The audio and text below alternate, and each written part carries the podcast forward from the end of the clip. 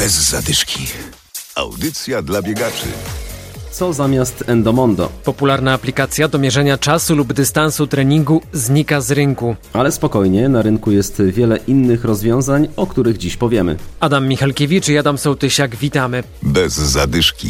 Endomondo działa od 13 lat, umożliwia monitorowanie aktywności w około 50 dyscyplinach. Od 31 grudnia aplikacja zniknie ze sklepów internetowych. Jej właściciel postanowił rozwinąć inną apkę Map My Run. Do 31 stycznia będziecie mogli pobrać lub przenieść dane do tej aplikacji.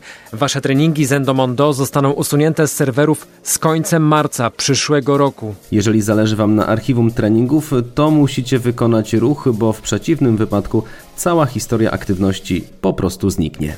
Sprzęt. Jak mierzyć czas i dystans biegu? Generalnie można kupić zegarek z GPS-em lub biegać z telefonem, w którym macie jedną z wielu aplikacji. Naszym gościem jest wielkopolski biegacz Marcin Wacko. A Marcinie, czego używasz do pomiaru czasu podczas biegania? Do pomiaru dystansu i czasu treningu używam zegarka. Często na treningach mam też ze sobą telefon, ale służy głównie do słuchania podcastów. Kończysz biegać, wyłączasz zegarek i jak wygląda dalej ta synchronizacja z aplikacją w komórce? Mój zegarek to jeden z pierwszych modeli, który miał wbudowane Wi-Fi, więc jak wchodzę do domu, jednym przyciskiem automatycznie zgrywam trening do sieci, a poza tym łączę też przez Bluetooth zegarek z telefonem, więc jak akurat nie mam Wi-Fi, nie jestem w domu, to bardzo łatwo mogę zgrać cały trening i od razu jest dostępny. Marcinie, rozmawialiśmy już wcześniej. Wiemy, że masz Garmina, od 6 lat ten sam model.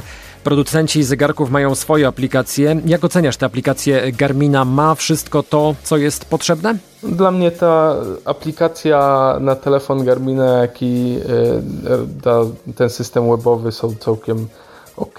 W zasadzie jakoś specjalnie nie analizuję głęboko wszystkich swoich treningów. Chodzi mi głównie o to, żeby były w jednym miejscu, żebym mógł sobie dopisać jakąś notatkę, no i żebym miał statystyki tygodniowe, miesięczne, roczne i to w zasadzie tyle. Wiemy, że wcześniej używałeś kilku innych aplikacji w telefonie. Jakich, no i która z nich była według Ciebie najlepsza? Jak zacząłem biegać wiosną 2011 roku, to pamiętam, że Miałem jeszcze taki stary telefon z Androidem, nie miałem żadnego zegarka, nawet nie wiedziałem, że są jakieś zegarki do biegania specjalnie dla biegaczy. Pamiętam, że ten telefon nie do końca radził sobie z GPS-em, więc testowałem różne aplikacje. Było coś takiego jak Sport Tracker chyba, a potem po jakimś czasie znalazłem Endomondo i, i do tej pory jak trakuję sobie wszystkie treningi Garminem, ale później zgrywam je do Endomondo i automatycznie od jakiegoś czasu do strawy.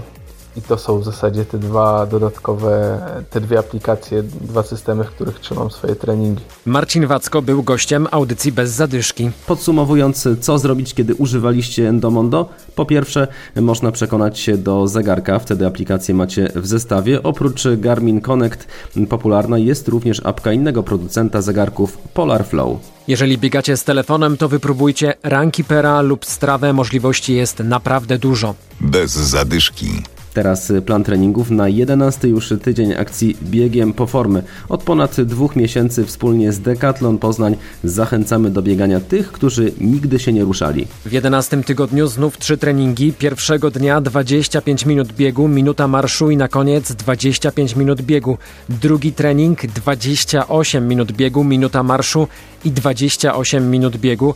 A ostatni w tym tygodniu trening to uwaga 30 minut biegu, minuta marszu i na koniec znów 30 minut biegu. Robi się naprawdę poważnie. Celem akcji jest ciągły bieg przez godzinę. Plany z poprzednich tygodni znajdziecie na naszym Facebooku. I pamiętajcie, że nawet w mroźne dni da się biegać. Bo nie ma złej pogody do biegania, są tylko źle ubrani biegacze. Bez zadyszki. Audycja dla biegaczy. Znajdź nas na Facebooku.